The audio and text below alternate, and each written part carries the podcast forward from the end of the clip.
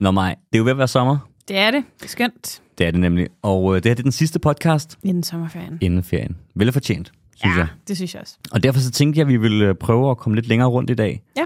For at give folk øh, muligheden for ligesom at få en podcast, de kan tage i bidder. Uh. Så man kan lytte lidt og gå lidt på stranden og sidde lidt i haven og lytte lidt mere. Og En lille dosis enhedslisten sådan i løbet af ferien. Det er da en god plan. Den bliver ikke lang nok til sådan en helt tre ugers sommerferie. I skal nok også finde noget andet derude. Det, det er ikke sådan Ringnes Herre maraton, vi er gang i. Nej, director's cut. Nej, Yes. det er det ikke. Men øhm, jeg tænkte, vi skulle snakke om nogle forskellige ting i dag. Jeg tænkte, vi skulle snakke om vækst. Ja. Øh, Det er der ligesom en debat, der er blevet kickstartet af nogen fra Socialdemokratiet, som mm-hmm. lige pludselig har fundet ud af, at øh, måske var det en fin nok idé at begynde at overveje at lade være med at vækste helt så meget. Ja. Så skulle vi snakke om øh, den her uddannelsesreform, vi også vendte i sidste uge, men som jo så er kommet i mellemtiden. Det er den. Og det synes jeg lige, vi skulle give en ordentlig overhaling, som man siger. Lad os gøre det. Og øhm, til sidst så overvejede jeg, om vi skulle tage en venner på det, som Mette Frederiksen åbnede op for i løbet af folkemødet, som er det her med aktiv dødshjælp. Ja, vigtig debat. Meget vigtig, Vigtig debat. og, øh, og meget svær debat også. Skal vi ikke også snakke om øh, flaggate? Jo, Det synes jeg er sjovt. Ja, en højesteretsdom. Ja, nu må man flage med alle mulige flag. Måske skal vi bare starte med det i virkeligheden. Vi starter inden lidt ind. Okay, vi starter med Flaggate.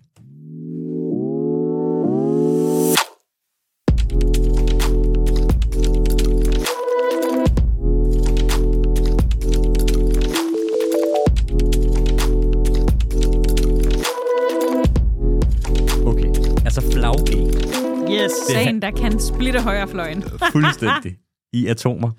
Det handler jo simpelthen om den her højesteretsdom, som har stadfæstet, at man altså gerne må hejse andre flag end det danske Mm.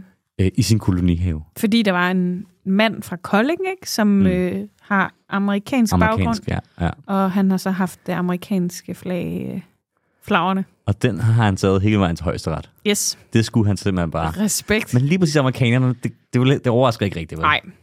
Nej. Det Star Spangled Banner, det skulle bare Ja, ja. op i toppen af den flagstang. og det, som jo er sagen, det er, at det viser sig, som jeg har forstået det, at der ikke rigtig er noget juridisk øh, grundlag for at have den her lov om, at, øh, eller den her regel om, at man ikke må have, have andet end danske flag. Det er sådan en kutyme, og det var... Det, Det var stammer vist fra, nok fra et kongeligt dekret ja, engang, præcis. men det gælder ikke helt. Nej, nej. Og så har man sådan haft genindført lidt i forbindelse med nogle krige og ting og sager, hvor man var sådan, åh, oh, det var ikke, det var ikke så godt det her med tyske flag for eksempel øh, længere.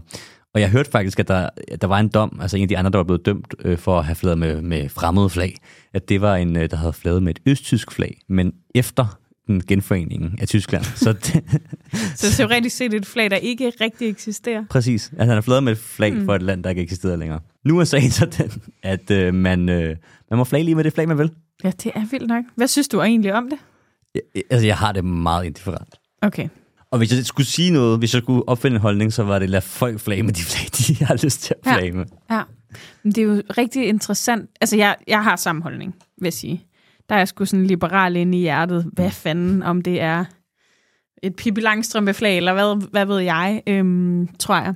Men, men det er jo virkelig noget, der sætter sindene i kåsen på højrefløjen, hvor der mm. er den konservative fløj, som bare føler, no, mm. nu bliver det ragnarok derude. Øh, og så den mere liberale, det må folk selv om fløj. Øh, så det, det synes jeg bare er lidt sjovt at følge. Og jeg kan også nogle dage måske godt lidt følge de der sådan Morten Messersmithske typer, der synes, det er meget cute at kigge ud over sådan en kolonihavelandskab med en masse Dannebro, der vejrer. Men er det, ikke også, er det ikke også meget cute at så se, når derover har vi vores tyske nabo, og så har vi vores franske nabo, og der er vores tyrkiske nabo. Er det ikke også meget sådan... Kan, den- kan det ikke også noget, ligesom? Jo, det er måske rigtigt nok. Men altså, vi har jo også et specielt forhold til vores flag i Danmark. Altså, ikke, der er ikke mange andre nationer, måske USA, men altså sådan, når der er fødselsdag, når der sker mm. noget som helst, så er der bare flag, flag, flag, flag, flag. Altså, Vi øh, misbruger det jo lidt. Det er alle steder. det er alle steder. Og Altså, man er lige fra man kommer ud- Så er der fest! Man bliver Dannebro. født ud i verden, så står der nogen med Dannebrogs flag, ja, efter er der på fødegangen. ikke? ja, ja. Du forventer det, når du lander med fly og går ud, sådan, uh, Ja. ja. så står der nogen der flager. Og, ja, øhm, Er der nogen, der flager dig, når du lander et fly? Nej. Hvis jeg landede et fly, så Hvis håber jeg fandme, at der er nogen, der vil flage. nej, ej, øhm, nej, jo, det har jeg prøvet en gang. Er det rigtigt? Ja, det var meget cute. Det var mine forældre. Efter jeg var ude og backpack rigtig længe. Nå, okay. Ja, okay. Så er det også på sin plads. Ja. Men det er rigtigt, hvad hedder det, øhm, det kan der noget med, med Dannebro. Vi bruger det jo også utrolig meget. Men det, og det er rigtigt, at højrefløjen er gået, gået lidt øh, græsat over det. Jeg så Christian, der, øh, Christian Igander Skov, øh, mm. som kommenta- kommentator på forskellige dagblade. Han sagde, at det var ligesom at gøre Danmark til Beirut. nu, var vi, nu var det simpelthen, nu var vi blevet til Beirut. Og, og jeg ved ikke helt, hvad der er galt med Beirut, men jeg forstår det som, det er dårligt. Det vil vi ikke være. Vi vil ikke være sådan et rodet sted med masser af flag. Vi vil være sådan et ensartet, Strømlignet. strømlignet Ja. med flagstænger, hvor det sammenhænger. Men det har altid været meget fascinerende med det med flag, fordi der er også noget med, at Dannebro må heller ikke røre jorden, og Nej. vimplerne nogle dage, og så flagene nogle andre dage og sådan noget. Det kan være, man lige skal Mm. sætte sig lidt ind i det. Bor du et sted med en flagstang? Nej, det gør jeg ikke. Nej. Øh, der er et, øh, en flagstang ved mit sommerhus, Mm. og der har jeg faktisk også Dannebro, øh, ofte op at hænge, når jeg er der. Og øh, så i mit barndomshjem, der flæder vi jo altid med rød fan 1. maj. Og det har jeg godt tænkt over. Var det egentlig lovligt? Gud, i flagstangen? Ja, ja. Rule breakers, eller så åbenbart ikke jo. Nej, åbenbart ikke. Nej. Men, men vi nåede heldigvis ikke at tage den hele, hele vejen til højesteret. Det var der nogen, der gjorde for os. Nå, det havde ellers været meget sejt. Ja. Hvis det havde været den røde fan, og ikke det amerikanske flag, der havde vundet. Sejren, ja. Well, well. Ja, respekt, og øh, det bliver spændende at følge. Jeg øh, forudser, at næste politiske sæson kommer til... Der kommer flagdebatten til at foregå i Folketingssalen. Ja. ja, ja. Og så tænkte jeg, det næste, vi skulle snakke om, det er vækstspørgsmålet. Ja. Og det er jo meget stort Mm. og lidt kompliceret. Men det er også noget, som jeg synes, jeg ofte hører fra folk. Mm. Er det noget, du møder derude, sådan går I ind for vækst? Faktisk i rigtig høj grad, men jeg har også været klimaoverfører en del år, og ja, altså, hvis man forholder sig lidt til de klimaudfordringer, vi har, Mm. så øh, i takt med, at vi køber, konsumerer, forbruger mere og mere, så udleder vi jo også mere, og det har jo en del med vækst at gøre, Mm. og derfor så har, har den her debat verseret, altså den har været til stede i en del år, i, sådan, i de grønne bevægelser, men den er ved at komme lidt mere op til overfladen og blive lidt mere en mainstream diskussion nu, mm. fornemmer jeg. Ja, altså det er, jo, det er jo noget, vi bringer op blandt andet, fordi at der er to øh, fra det socialdemokratiske maskinrum, kan man Ja. sige. Bjarke Dahl, der er politisk chef derovre, og Rune Bostrup, som ikke arbejder for dem længere, men det har han gjort en gang, og de har skrevet en bog, der ligesom handler om, nu skal vi ikke have mere vækst, og de opfordrer Socialdemokratiet til at ligesom, gå i gang med vækstkritikken. Mm. Den er på min sommerferielæseliste. Ja, det er den faktisk også for mig. Ja. Men det der, det, der slog mig lidt i receptionen af den, har været, at der bliver snakket om det her tabu på Christiansborg, som vækst som noget, man ikke vil snakke om, eller Ja. noget, man ikke vil kritisere. Og det overrasker mig sådan lidt, fordi som du siger, ligesom, øh, altså har enhedslisten har vel længe i virkeligheden sagt, mm, vi bliver nødt til at sige øjnene, at der kommer en grænse her, der kommer nogle planetære grænser, vi skal være indenfor. Ja.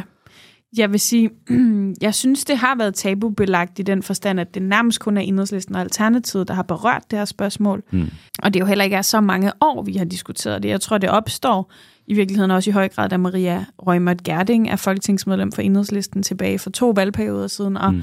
Og tager det her lidt op øh, i den offentlige debat. Øhm, eller det er i hvert fald der, jeg kan huske det første gang begynder at optræde som sådan en diskussion. Og så har det ellers egentlig været lidt tabubelagt, fordi det kommer jo også med sådan en M eller smag af, åh, skal vi så bare alle sammen altså, gå rundt i hørtøj og, Mm.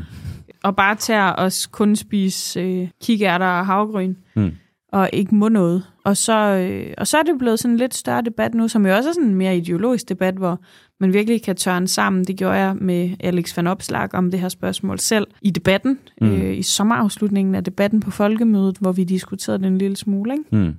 Hvor, altså, man kan sige, jeg ved ikke, om Alex Vandopslag har de bedste øh, argumenter for vækst, men et af de argumenter, man jo hører, som jeg nogle gange godt kan have sympati for, det er det her med, jamen væksten er jo også det, der giver plads til mere velfærd, eller plads til Ja. flere ansatte, der kan tage sig af de ældre, eller hvad det, tage sig af børn, øh, være folkeskolelærer, være pædagoger, ja. være sosuer. Er der brug for vækst for at kunne opretholde velfærdsstaten? Jo, måske. Det er der jo. Øh, ja, eller i hvert fald på nogle fronter. Mm. Mm. Der, ja, for mig at se, skal øh, velfærdssamfundet vækste. Hmm. Der er jo noget, der gerne må blive større og vokse. Det er ikke det, der er anken. Jeg synes, der ligesom er tre hovedargumenter. Det ene, det er det der, Mm. mm. i forhold til den snævre dansk ramme. Det andet argument, det er, jamen, skal folk i øh, udviklingslandene ikke også have lov til at øh, få mere mellem hænderne, få flere materielle goder, Mm. som os andre? Ellers er det jo en skide uretfærdig fordeling af goderne. De mm. må også vækste. Øh, Det er et andet argument, som højrefløjen nogle gange bruger, og det tredje, synes jeg, er, det er jo det, der skaber innovation. Hmm. Det er væksten, der skaber innovation. Hvis folk har nogle penge, de kan se efter, og så derefter mm. udvikle noget teknologi, så er det det, der kommer til at redde den grønne omstilling. Mm. Så det er ligesom de tre argumenter, de har. Den ene omkring velfærden, synes jeg er simpel. Mm. Selvfølgelig er der ting i det her samfund, som gerne må blive større, vækste, vokse. Vækste, det er sådan et irriterende ord egentlig. Nå, men ja. vokse, det, det tænker jeg ikke er nogen udfordring. Og selvfølgelig skal det også være sådan, at folk i udviklingslande kan få lov til at få flere materielle goder. Mm.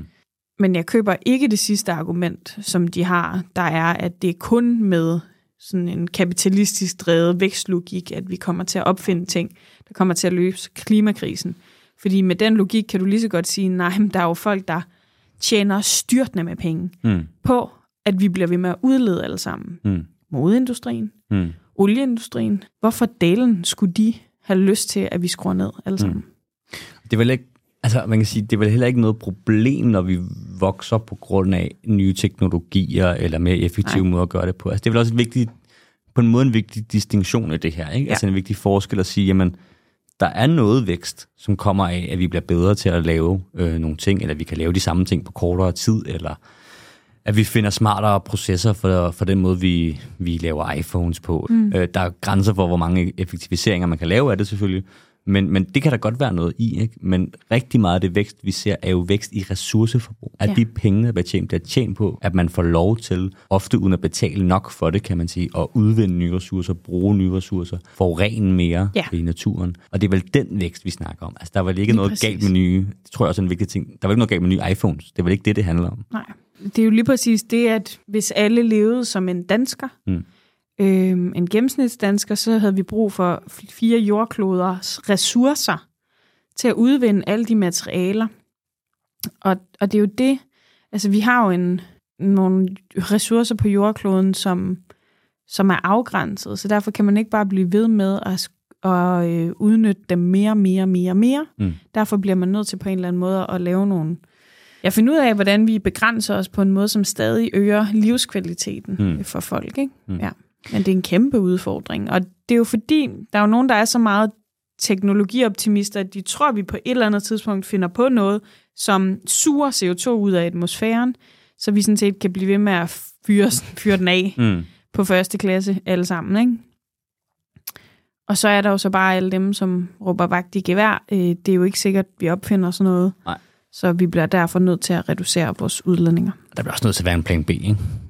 Ja. Altså, vi har kun én planet, som de siger. Der er ikke en planet B. Ja, så præcis. Det er, jo så spørg- det er jo så det store spørgsmål, det her. Ikke? Det er jo så det her spørgsmål om, om, hvad er det for nogle mål, eller hvordan skal vi indrette os som samfund på en måde, hvor vi faktisk får prioriteret naturen og miljøet og velvære over økonomisk profit og vækst. Ja. Det her BNP-tal, som man ofte, ofte snakker om. Ikke? Altså, hvad tænker du egentlig er vejen derhen? Er det vejen af nye måltal, eller hvordan får vi egentlig sådan skabt den her øh, kan man sige, prioritering af, at vi ikke skal vokse uendeligt i vores ressourceforbrug. Vi ikke kan vokse uendeligt. Altså, hvordan får vi skabt nogle rammer for at leve inden for de planetære grænser? Altså, det er, det er jo et kæmpestort spørgsmål, og det er noget af det, jeg bruger allermest, eller det ved jeg ikke, om det er, men jeg bruger rigtig meget tid på at tænke på det, fordi det er jo i virkeligheden også det, der er kernen i vores udfordring.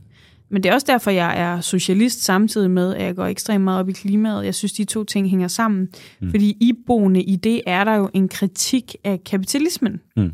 Og kapitalismen er jo lidt driveren på den her vækst. Ikke? Mm. Mere og mere og mere skal der tjenes, og jeg synes bare, at man også skal huske, at mange af de ting, som er opfundet i, som har været godt for klimaet, vindmøller som eksempel, det er jo ikke noget, der er kommet på grund af kapitalismen, men øh, først og fremmest, men jo fordi der har været nogle kloge politikere, som har sagt, mm. det her skal vi satse på. Det er det ene, og det andet.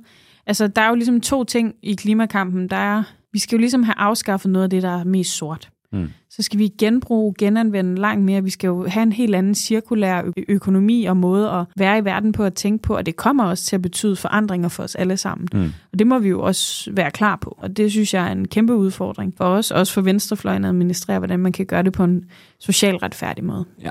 Ja, det er det helt store spørgsmål på en eller anden måde. Det er det. Og man kan sige, du siger, du, nu nævner du selv vindmøller, ikke? Det tager 40 år for de her øh, statsstøttede vindmøller at kunne hvile i sig selv. De første 40 år, vi sætter vindmøller op, der er der ligesom statsstøtte på. Men nu er vi så også et sted, hvor vindmøllerne de bliver bygget, og de øh, tjener faktisk penge. Det er en mega god forretning, og, og det, var, det, det var jo godt, og det var heldigt, at vi kunne lave den omstilling af energisystemet. Men, men så er der jo alle de andre ting, som du også selv siger. Der er jo den måde, vi lever på, der er den måde, vi øh, kommer rundt på, transportsektoren. Ja. Øhm, hvordan, altså, er den, altså, hvad er det mest retfærdige værktøj? Hvad vil du helst, hvis du skulle pege på en enkelt ting, som siger, mest ofte, der skal vi bruge det her værktøj til ligesom jeg synes ikke, det er så enkelt, at der er et værktøj, men der, det handler jo om rammer, regler og regulering på en eller anden måde. Rammer, rammer regler og regulering. Ja, ja. det lyder forfærdeligt byråkratisk og, og stramt. Men lad os for eksempel tage modeindustrien. Ja. En industri, som udleder helt exceptionelt meget, faktisk. Mm. En industri, hvor, øh, hvor man jo har fundet ud af, bare på nogle få generationer, at man kan få os til at være så interesseret i hele tiden at købe nyt, mm så man, man kan booste sådan en brug og smide væk kultur, som både er fodret af, at der sidder folk til uendelig dårlig løn i nogle lande og producerer alle det her tekstiler, vi har på. Også noget, som har kæmpe ressourceomkostninger for vand, for miljø, for klima. Og der, der bliver vi nødt til, tror jeg, at lave en meget strammere regulering. Mm. Du kan jo nærmest ikke gå ud af en tøjbutik, før at der er kommet en ny sæson, og det er en pisse umoderne, det mm. du har på, lige har ja. købt. Ikke? ja. Og, og hvordan, vi, hvordan vi styrer det, det synes jeg er svært. Jeg synes, der er nogle skridt på vejen, der er enkle. Mm. Stop med at afbrænde, men måske også give nogle fordele for alt det, der er bæredygtigt og genanvendeligt osv. Og, mm. øhm, og det bliver også ting, vi bliver nødt til at gøre internationalt, hvor Mm. vi bliver nødt til at løfte i flok. Mm. Der er vel også nogle enkle skridt i at gå efter nogle af de største udledere. Ja. Altså, der er vel også noget med det, hvor man siger, jamen, vi har alle sammen et ansvar, men der er også bare nogle få mennesker, som flyver enormt meget. Ja. Og det er ikke sådan, du ved, din nabo, som tager på tre skiferier. Det er folk, der flyver mange gange om dagen, Ja. øh, i nogle tilfælde. Nej, men det er der jo. Nogle, Ja, det er der jo. Altså, med privatfly og hele, privatfly, ja. hele gøjmåret. øh, hvor deres privatfly i hvert fald flyver mange gange Ja. om dagen, fordi de så skal flyve frem og tilbage, og der er de her... Det der eksorbitante luksusforbrug, det synes jeg, man bør forbyde. Ja. Altså forbyde privatfly. Mm. Simpelthen. Ja, det mener jeg. Det mener jeg. Det kan Ja. ja. jeg simpelthen ikke se, hvorfor du ikke kan slå røven i sædet på et rutefly, ligesom alle andre. Der kan selvfølgelig godt være undtagelser, hvor folk skal ud med medicinsk hjælp, eller øh, hvad ved Mm. jeg, ikke? hvor man er øh, på, har en eller anden offentlig interesse. Men virkeligheden er jo, at ja, der bliver udledt enormt meget på den der måde. Mm. Det gør der. Det er det. Og der er også nogle virksomheder, hvor man siger, jamen vi har ikke skabt rammerne for, at, som du også selv siger, at man skal holde, altså man skal simpelthen ikke kunne tjene penge på at smadre planeten. Præcis. Og så skal man i hvert fald betale det, der er omkostningen. Mm. Og vi har jo bare fået sådan lidt et wish.com-samfund, hvor vi bare kan importere alt muligt shit for ingen penge. Mm. Øhm, og det er nok ikke helt for enligt med, hvad det egentlig har af, Nej. af, af udgift for andre, Nej, må nej. man så at sige. Ja. Nej. Men, men det, det er en sindssygt svær diskussion. Det er en svær diskussion, og det er en stor diskussion. Det er Ja. også det, altså det, man kan blive næsten helt forpusset, når man går i gang med det der, og der er jo mange ja. Ja. sådan noget. Så er det BNP, og så er det materialeforbrug, og så er det den ene og den anden. Og det er også det, der på en måde er så svært at komme ind i, som, som i sådan en politisk samtale. Der. Hvad skal vi så gøre ved det her vækst? Der, ja. Det er derude, og vi skal have mindre af det, og det er jo vanvittigt svært på en eller anden måde at få greb om, sådan, hvordan får vi ligesom skabt en politisk samtale, men også et politisk handlingsrum, for mm. faktisk at gå ind og sige, at vi vil gerne leve inden for de her grænser. Så hvis der er nogen, der lytter med derude, som har den gyldne nøgle, så skal de endelig Endelig ringe. ringe eller skrive. Det er en af de største udfordringer, vi står overfor. Det er ligesom om, de første skridt i den her sådan, klimatransformation har været nogenlunde lette. Hmm. Det der med at transformere sådan, de store slags infrastrukturer i vores samfund og så videre. Nu kommer vi også til noget af det, der er lidt mere nært. Hmm. Det er fandens til svært, det Ja. er det altså. Det føles lidt som om, man står sådan meget tidligt i en udviklingsproces med det her. Ikke? Vi er Jo. stadig i gang med at finde ud af, sådan, hvordan skal vi stykke det her sammen. Ikke? Altså, vi har brug for nogle love, nogle rammer, nogle reguleringer, som du siger. Ikke? Ja. ja. Nå, og vi må få læst Socialdemokraternes bog. Det glæder mig til. Jeg har lidt en fornemmelse af, at de skulle tage med sig i enhedslisten. Det synes jeg da også.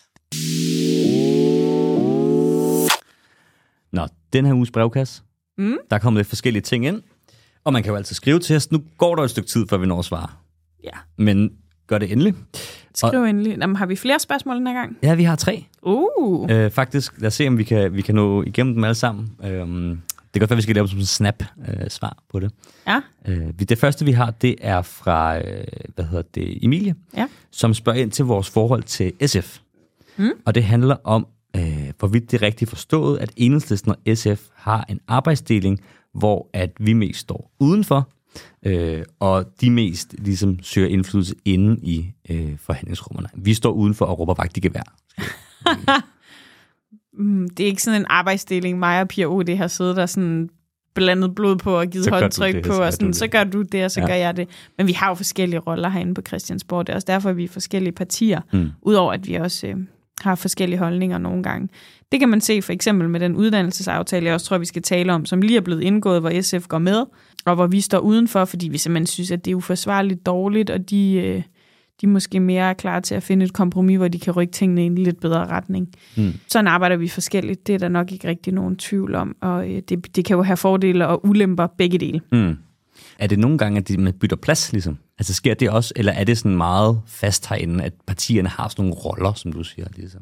Ja, jeg vil sige, ja, ja, nogle gange så bytter man plads, fordi man jo også har forskellige standpunkter, eller interessefelter, eller områder, hvor man virkelig synes, det er væsentligt. Og vi har jo også i lang, langt hen ad vejen i sidste valgperiode været med i rigtig mange aftaler og så videre. På den måde, så er SF jo også bare tættere på Socialdemokratiet, og dermed tættere på et af de partier, der har været i regering i, i mange år efterhånden. Ikke? Mm. Så, øh, så der adskiller vi os både lidt sådan strategisk og lidt politisk, men, øh, men vi søger jo indflydelse, hvor vi synes, øh, det er mm. bedst muligt begge to. Men øh, det er vores gode, tætteste venner på Christiansborg. Det må man sige. Ja. Gode venner over SF. Så har vi et øh, spørgsmål, der handler om øh, de stigende udgifter ude i kommunerne. Ja. Det er jo sådan, at man i kommunerne har rigtig mange øh, stigende udgifter til handicapområdet og til socialområdet, til mange af de velfærdsområder, som jo faktisk, selvom at der ofte er nogen på Christiansborg, der tager æren for det, øh, er kommunale øh, opgaver. Det er ting, man løser i kommunen. Det er kommunerne, der laver velfærden, mm. som man nogle gange siger. Og de her stigende udgifter, og hvordan skal man sikre, at det ikke går ud over de andre velfærdsområder? Mm. Hvordan sikrer man, at når der kommer flere udgifter til handicapområdet, så bliver det ikke øh, af en konsekvens af det, at der skal være dårligere børnehaver, for eksempel? Det er et godt spørgsmål. Hvem stillede det? Det, det er Christian, der har spurgt. Ah, Christian.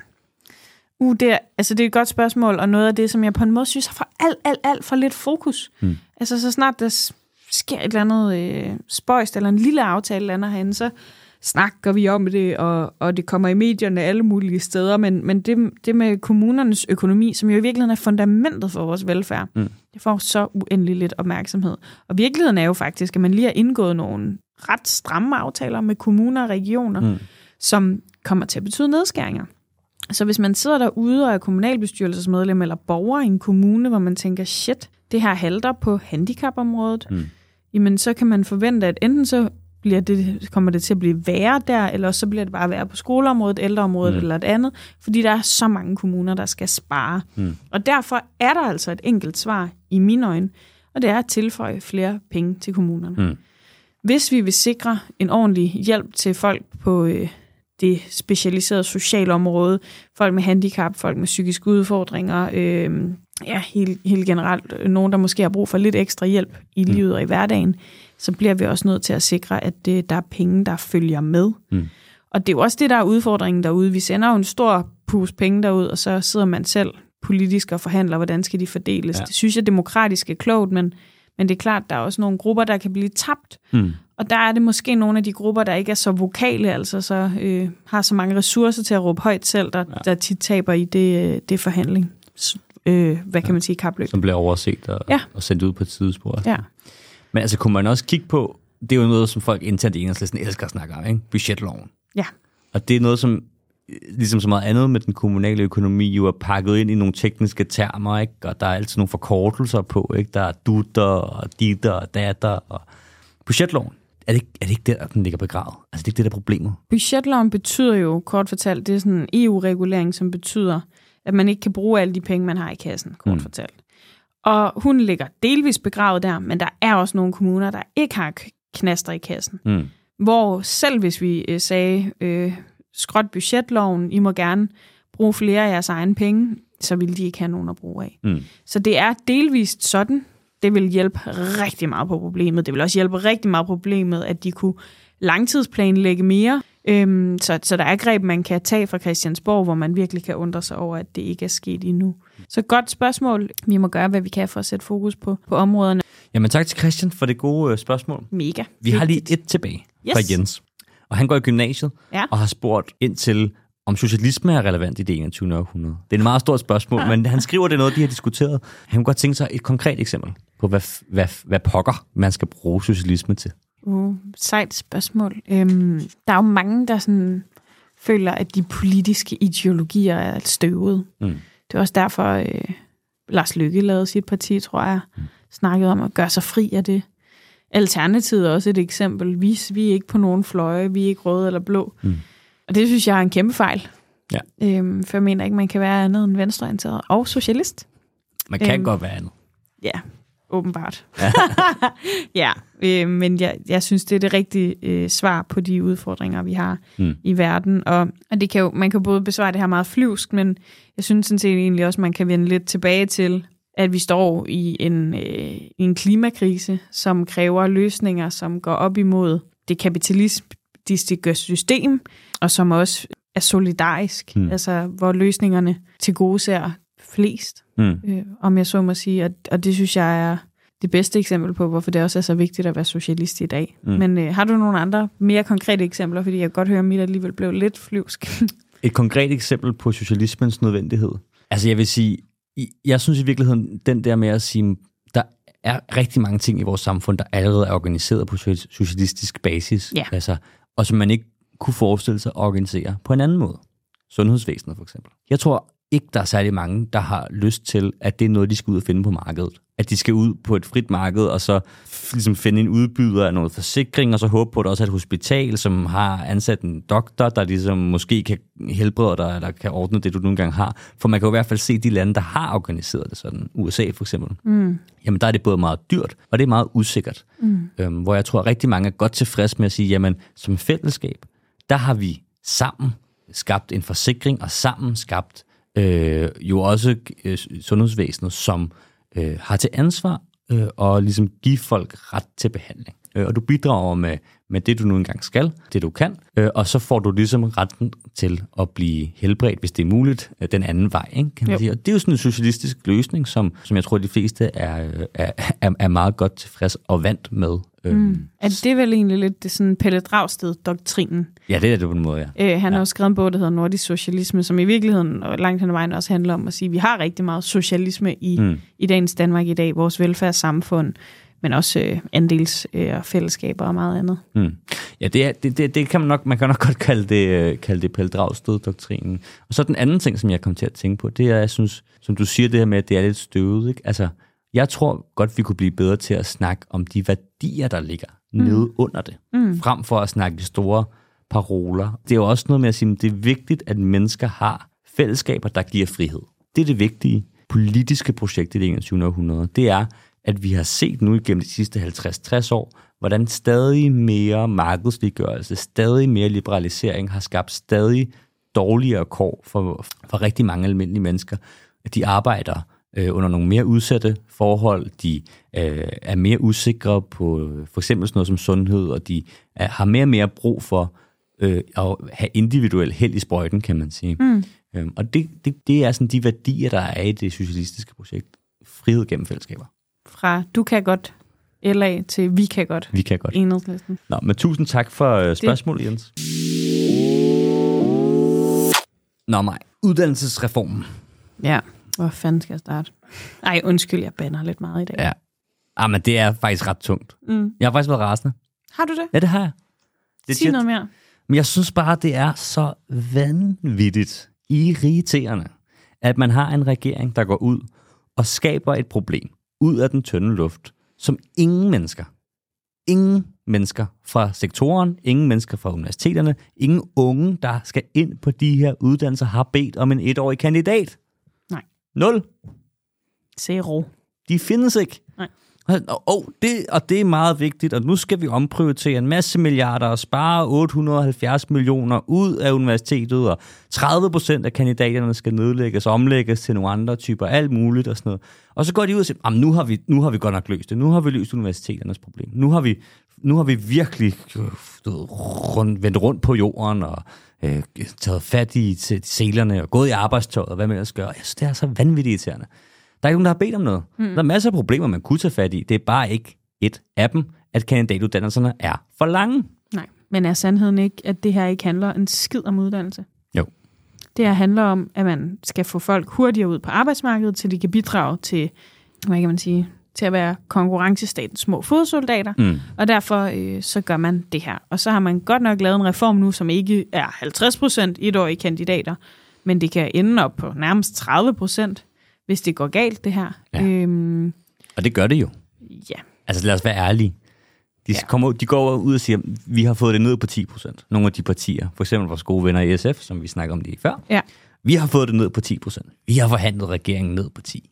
Ja. Det passer bare ikke, når man læser aftalen. vel? Nej, for hvis man læser ned på den nederste paragraf, og som også er grunden til, at vi gik, og at radikale øh, i øvrigt også gik øh, fra aftalen, så er det jo sådan, at hvis ikke man så samtidig får 20 procent, det der hedder erhvervskandidater, hvilket Mm. er fuldstændig urealistisk, Mm.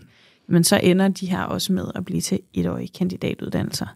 Og det betyder altså bare, at vi får nogle øh, folk, der er uddannet kortere, Mm. og derfor dårligere. Og universiteterne, Ja. de skal igennem måske en af historiens, i hvert fald uddannelseshistoriens største byråkratiske øvelser nu. Ikke? Jo, de skal jo opfinde alle Altså. de her nye uddannelser.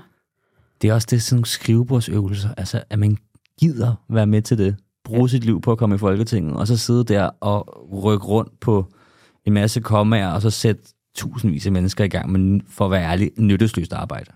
Altså, det, kunne jo, det, er jo, det er jo godt, hvis man så mener, man gør noget, der forbedrer øh, Jeg vil faktisk gøre det, ja. Og en ting, som man jo får ud af den her reform, er nogle penge. Mm. Fordi når folk ikke går så længe på studiet, så skal de have mindre i SU. Mm. Så skal de have, øh, jamen så er de der bare kortere tid, derfor så, øh, så, så sparer du penge. Og nogle af de penge bliver brugt på mere kvalitet i uddannelserne. Nogle af de her penge bliver brugt på penge til erhvervsuddannelserne og til velfærdsuddannelserne. Mm. Mm. Og det er jo godt. Ja. Det er godt. Det kan jeg godt se, øh, at man meget gerne vil. Det har vi selv foreslået mange gange. Bruge nogle flere penge på uddannelse. Mm. Det kommer kun godt igen. Det er Mm. klogt. Problemet er bare, at det her er jo at fodre hunden med sin egen hale. Det er jo at tage fra Mm. mm. den ene punkt, og så øh, Mm. ja, over i den anden. Det er så dumt. Mm. Og hvis man sidder der som, som folkeskoleklasse ikke, og kigger rundt i lokalet, så er det jo sådan, Nå, men så er det din uddannelse, der skulle betale for min uddannelse, og altså, man må da sidde tilbage lidt efterhånden og tænke, hvad, hvad, hvad skal vi egentlig som unge mennesker med, det her, med den, her, den her regering? Hvad, hvad, ja. Hvad, har de egentlig, hvad har de egentlig tænkt sig at gøre for vores fremtid? Ja. Man kunne jo sige, at det var den fornemmeste opgave for en hver siddende regering til enhver tid at tænke over den næste generation, og børneværelset, som man plejer at sige. Ja. Jeg mener, de jo de gør med det her. Jeg synes, det er dybt uansvarligt. Ja. Fordi vi ender jo med, altså det er jo det er den modsatte vej af, hvad nogen regering nogensinde har gjort. Mm. Det der med at forkorte uddannelser på den Mm. her måde. Det går stik imod, hvad vores øh, nabolande gør. Sverige Mm. er jo ved at afvikle nogle af de etårige Mm. mm. kandidatuddannelser, de har haft. Ikke? Altså, det er bare, det er totalt kontraintuitivt. Det er bare ja. dumt. Det er, øh, det, er, det er tragisk. Og så er der også det der, som virkelig går mig på næverne. Og jeg ved ikke, hvordan du har det med det, Mm. øh, men jeg går ud fra, at du måske har det på, det på samme måde som mig. Altså, når man som moderat uddannelses- og forskningsminister, og man som parti, Moderaterne, har været ude og lave valgkamp på at sige, vi skal ikke halvere kandidaterne, vi skal investere i uddannelser, man bliver ikke meget klogere på den halve tid, og alt det der. Og så sidder man der for bordenden. Altså, og jeg tænker bare, hvordan, hvordan i alverden kan du være det bekendt, eller hvordan kan moderaterne være det bekendt? Ikke at stå ja. igen på det og sige, det vil vi da ikke være med til. Det er jo det, der er det mest pinagtige ved det her. At sidde og se en minister, som jo bare på den måde sådan føjer sig og, øh, og valgløfter en masse på den her Mm. måde. Jeg er med på, at man skal gå på kompromis i politik. Vi laver ikke andet hver eneste dag. Men det at lave noget, man er lodret imod, Mm. og trække i den forkerte retning, det kan da ikke være meningen med politik. Mm. Derfor, sy- derfor bliver jeg så også irriteret, når folk siger, "Men hvorfor tager I ikke ansvar og går med? Mm. Undskyld mig, hvornår har det nogensinde været ansvarligt Mm. at gå ind i en aftale, man er lodret uenig i? Mm. altså som man synes trækker verden, Danmark, samfundet i en dårligere retning, det er ikke ansvar, Mm. det er dumhed. Og det er det, der får folk til at blive så trætte af politik. Ja. Nå, nu kommer jeg også lidt op i det røde felt Det er perfekt. altså, det er der også god grund til at være. Ja. Jeg synes også, det der ansvars, øh, ansvars øh, argument, nogle gange kan, kan, kan, kan støde mig lidt, fordi jeg har det sådan, jamen det er jo i virkeligheden den anden vej rundt. Dem, der tager ansvar for det her, er jo tvunget til at bevare det. Også det. Altså, hvis vi nu øh, skulle være så heldige, at vi efter folketingsvalget havde et flertal, som ville noget andet, et flertal af partier, som i hvert fald til folketingsvalget i valgkampen sagde, at de ville noget andet, jamen så kunne vi jo gøre noget ved det. Mm. Men det kan vi så ikke, fordi der sidder partier, som egentlig siger, de er imod, men som har stemt for, og de vil jo så være forpligtet på, også efter valget, at sige, om vi, vi har jo lavet den her reformer, og der er jo kommet nogle penge i 2075, som der står i aftalen. Så Det må vi hellere, det sidder vi os lige og venter på, de der penge. Ikke? Det er sådan, tingene gør i stå. Ja. Ja, men øh, det her er historien om dårlige uddannelsesreformer, Ja. ja. som det her land virkelig har lavet i så mange ja. år efterhånden. Det er simpelthen en tragedie. Det er det nemlig. Der er nogle gode ting i det. Penge til nogle andre uddannelser. Flere internationale studerende er også fint. Mm. Penge til noget mere kvalitet, men jeg må godt nok sige, fundamentet, grundlaget og den her helt vilde arbejdsudbudslogik, jeg kan ikke forstå, hvad det er, moderaterne fik i de regeringsforhandlinger, som var vigtigere. Det samlede billede. Ja. Det er en regering, der vil øh, tage din fridag, lukke din uddannelse, tage din postkasse. Hvad får, du, hvad får du den anden vej? Du får det amerikanske flag i toppen af kolonihavens flagstang. Det har sgu ikke noget med regeringen at gøre. Den sidste Det er en mand fra Kolding. ja, det er en mand fra Tak til Kolding. ham. Tak til ham.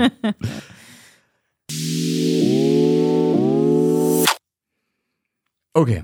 Mm. Vi skal lige lidt ned i gear. Okay. Vi skal nemlig tage en sindssygt svær debat. Uh, ja. Tænker jeg. Jeg tænker, du tænker på aktiv dødshjælp-debatten? Ja, det gør jeg. Ja. Øh, fuld af dilemmaer.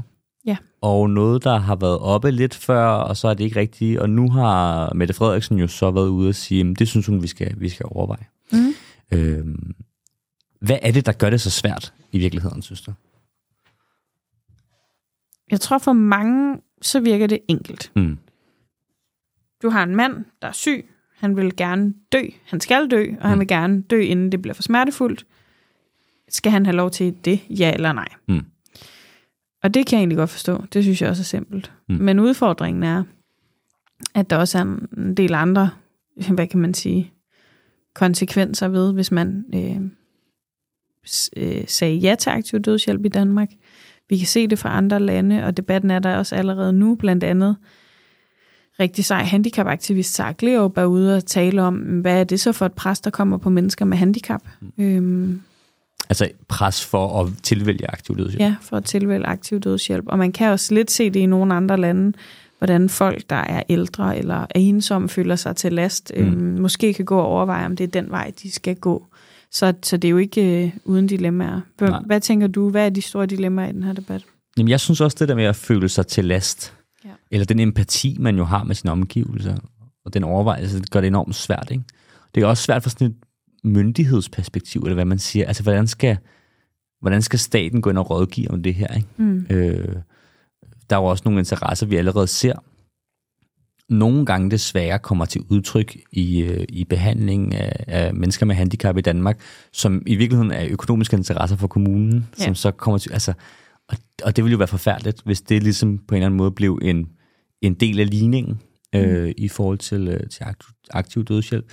Men samtidig så er der jo det her, du også siger, jamen, folk, som du siger, altså i dag, nogle få mennesker bliver sat i de her situationer, hvor de bliver tvunget til at tage til udlandet, ofte måske under store smerter, på grund af, at de ikke kan få den her øh, hjælp i Danmark. Og det er jo heldigvis få. Altså, Ja. sundhedssystemet fungerer jo også på den måde, at de fleste øh, får lov til at, og, hvad hedder det, at forlade det her liv på en, på en, på en måde, der både er smertedækket og, Ja. og på en eller anden måde, hvor de har en stemme i at sige, nu vil jeg ikke have mere behandling, eller nu Ja. vil jeg ikke, altså, Og det kan man jo allerede i Danmark. Det kan man jo allerede Man kan sige nej til behandling øh, og blive ja, smertedækket. Mm. hmm. Ja. ja. Men for de få, det, det, jeg, jeg, jeg synes, det er tricky. Og Ja. jeg synes også, det er en svær, det er en svær sådan, politisk beslutning at skulle tage på andres vegne. Mm. Det tror jeg også, det er et af de politikområder, hvor jeg føler, der har man godt nok også bare et ansvar som folketing, fordi man kan ikke, der skal være nogle regler, det er klart. Ja. Men, men det er en meget stor beslutning at tage for nogle andre. Altså begge veje, det må du gerne, eller det må du ikke. Det er virkelig den der sådan, personlige autonomi og individuelle frihed over for det der kollektive pres, Mm. eller den fare for, at det faktisk ikke bliver en frihed Mm. øhm, for nogen. Så er der jo også sådan dilemmaer i forhold til læger og sundhedsvæsen, og skal, hvem skal så varetage den her, Ja. øh, den her opgave? Det, det synes jeg ikke er- virker lige så svært. Nej. Øhm, etisk råd har jo rådgivet på det her spørgsmål nogle gange, Okay. så vidt jeg husker. Ja. Øh, og har sagt, at man ikke anbefalede det. Mm. Øhm, og Folketinget har jo også undladt det Mm. mm. af flere omgange. Men jeg Mm. tror, det, er en, det er en god debat at, at have, og det er jo nok noget, som kommer til at fylde mere og mere. Ja. Fordi at der er flere lande, der tager diskussionen. Og det er jo for eksempel er legaliseret i et land som Schweiz, Mm. hvor øh, danskere jo også tager hen Mm. øhm, og får aktiv dødshjælp. Er der egentlig nogle partier, du kender til, der har været for det her? Altså sådan fra start af, eller som ligesom har, har gået forrest i det her? Er der, Jeg er faktisk ikke helt klar over positionerne på det her spørgsmål, Nej. Nej. må jeg ærligt indrømme. Der har længe været et meget stort flertal imod i Folketinget. Øhm, jeg tror, Moderaterne går meget aktivt ind for, hmm. at man indfører aktiv dødshjælp i Danmark. Jeg kan også kun forestille mig, at sådan et parti som LA også gør. Hmm. Øhm, det er jo noget, som også er til debat i enhedslisten. Ja. Øhm, ja. Men, men jeg ved faktisk ikke helt, hvor partierne står. Det må vi få læst op på, for jeg ja. tror, at den nye politiske sæson, om jeg så må sige, den må unægteligt komme til at, at, øh, at afspejle den her ja. debat. Det er jo en øh, vigtig debat. Ja, det må vi gå og gruble over i sommerferien. Ja.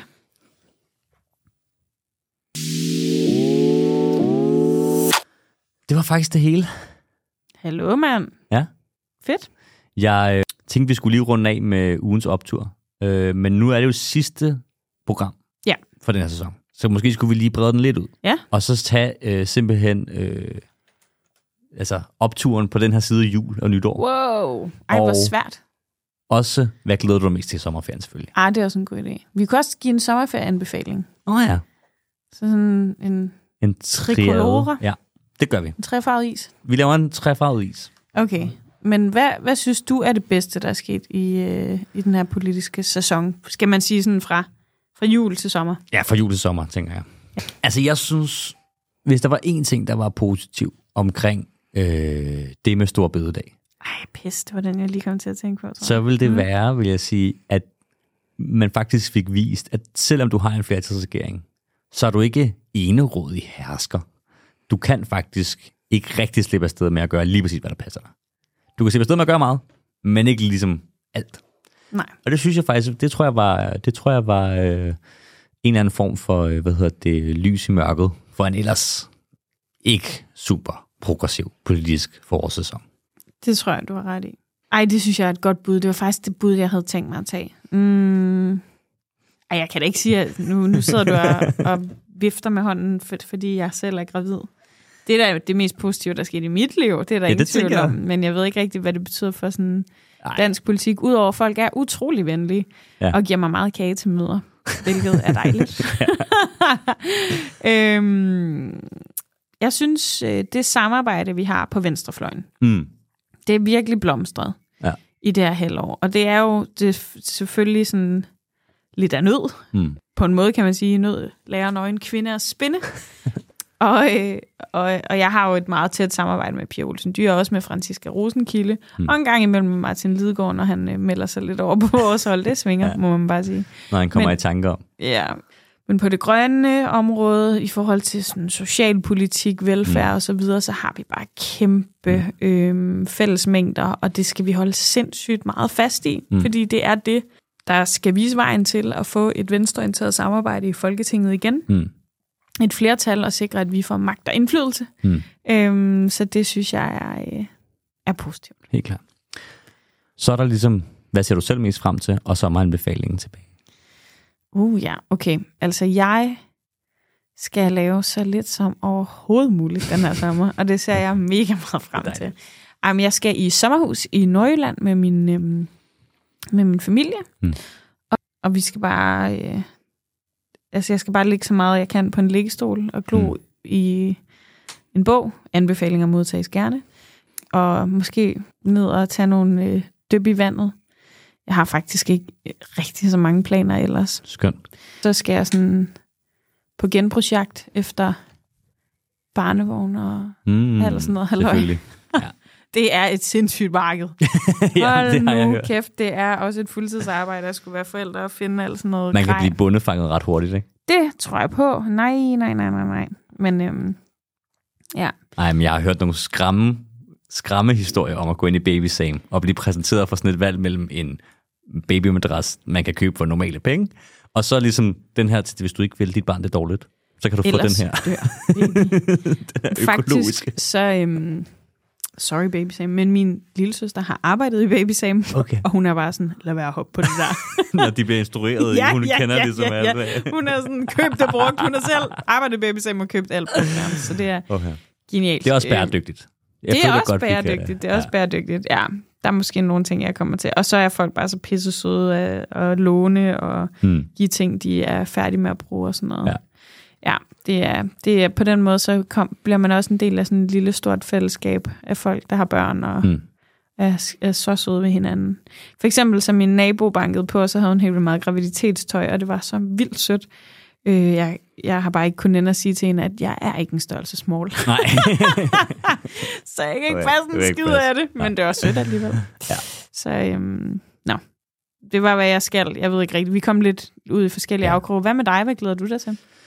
Jeg øhm, får igen i år besøg af en masse venner øh, i mit sommerhus, og inklusiv også nogle af dem, som jeg øh, hvad hedder det, har læst med i London.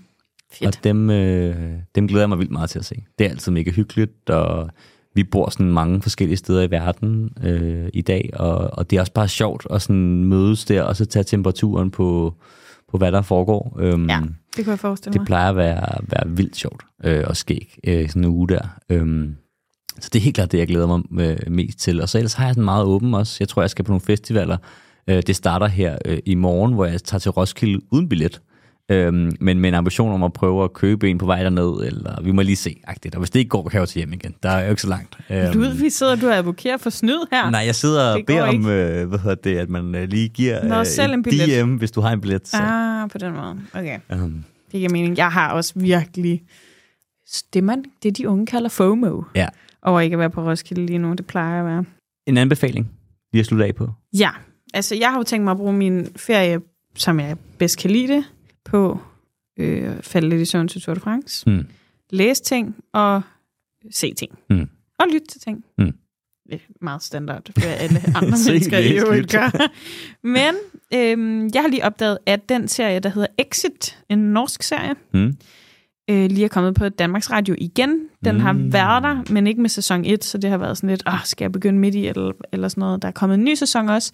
Så nu er der tre sæsoner, og det er en serie, der handler om norske milliardærer og deres bizarre opførsel. Så hvis man har behov Mm. for at være sådan lidt øh, mavesur socialist, Ja. så er det en rigtig god øh, anbefaling. Jeg har selv set et par afsnit nu, og er meget opslugt af det, mm. og øh, forarvet og forundret og øh, Mm. mm. forvirret, tror jeg, øh, på et højere plan. Så det, det vil være min CD-anbefaling. Så vil jeg sige i forhold til, hvis man skal holde den forarvet tone, så hvis der er et menneske i det her kongerige, der ikke efterhånden har læst øhm, Glenn Becks, jeg anerkender ikke jeres autoritet, eller ikke Mm. længere jeres autoritet, Ja. øhm, så læs den. Ja. Fordi øh, det går hurtigt. Den er øh, vred og fed. Og vigtig. Øhm, så, så den vil jeg også sige. Uh, så på lyttefronten. Der er lige kommet et nyt afsnit, som jeg i hvert fald selv skal høre, af den kavling-vindende Mm. podcast, øh, Det levende beri- bevis Mm. fra Danmarks Radio, Nå ja. som handler om en ret bizarre sag om nogle kvinder, som hvis forældre blev dømt for at have omskåret dem, og det har de ikke. Mm. Så vigtig sag. Det er lidt til den negative side, kan jeg godt se, så øh, Mm. Jeg håber også, I finder noget sjovere at lave, end det jeg anbefaler. Men Ja. det er i hvert fald anbefalingerne herfra. Hvad har du? Jamen, jeg, øh, jeg er også ude i noget at læse lytte Ja. kombination. Øhm, jeg tænker, man sidder der under parasollen Mm. med en øh, Aperol Spritz til hånden, eller ja. En sodavand, hvis man er mere til det, på terrassen. Og så har man lyttet den her podcast færdig, og så tænker man, hvad skal jeg nu? Og der kan man gå to veje. Enten så skal man, øh, synes jeg, læse øh, den bog, der hedder Retfærdig Naturbevarelse, Uh ja. som den grønne ungdomsbevægelse har skrevet. Eller det vil sige, det er ikke hele den grønne ungdomsbevægelse, men en gruppe fra den har skrevet sådan en lille gul pamflet, vil jeg kalde det. Med sådan lidt digte og nogle politiske forslag og, og sådan en del af sådan noget fremtidsvisioner. Ja. Og det er sådan en ting, vi jo generelt er for dårlige til på venstrefløjen. Og ligesom skrive om det positive samfund, vi gerne vil have. Ja. Øhm, og ikke altid kun om de ting, vi, øhm, vi, vi prøver at undgå eller have mindre af. Og det synes jeg bare, at de er, er sluppet meget godt afsted med. Og den er også hurtigt læst, og den kan være sådan en lille strandtaske, så øh, man kan også have den med på tur. Perfekt. Og hvis man skal lytte til noget, så har jeg, øh, hvad hedder det, så har jeg også en podcast-anbefaling. Og det er øh, den podcast, der hedder Den Røde Pille. Øh, og det er en ret speciel historie og anbefaling selvfølgelig, men øh, jeg har simpelthen en barndomsven, som er med i Den Røde Pille, øh, og det handler om at være med i en sekt, og hvordan man kommer ind i det, og ud af det, og rundt Wow. i det, og Den lyder spændende. det er vildt spændende. Og det er fire afsnit, hvor det tredje, hvis nok lige er blevet udgivet. Og jeg lytter med, med stor spænding hver gang. Jeg, jeg kender selvfølgelig historien lidt, fordi, øh, hvad kan man sige, vi øh, har været venner mig og, øh, og hovedpersonen øh, øh, lang tid før han kom ind i sekten. Øh, sekterne, faktisk. Øh, Så det vil, jeg, det vil jeg anbefale. Det er spændende og tror jeg for mange overraskende at høre om, at der findes den slags øh, fænomener i Danmark også. Ej, det skal jeg flux hjem og høre. Det lyder så spændende. Ja. Så det er lidt sommervarme. Den røde pille. Mm. Mm. Det var det for i dag, Ja, for den her sæson. ja. Vi vender tilbage i august. Det gør vi. Vi har ikke helt besluttet os for, hvornår. Nej, Men det kommer, når det kommer. Præcis. Sæt notifikationer til, ikke? Ja, og følg med på Enhedslistens kanaler, og vi håber, I får et brag af en dejlig sommer.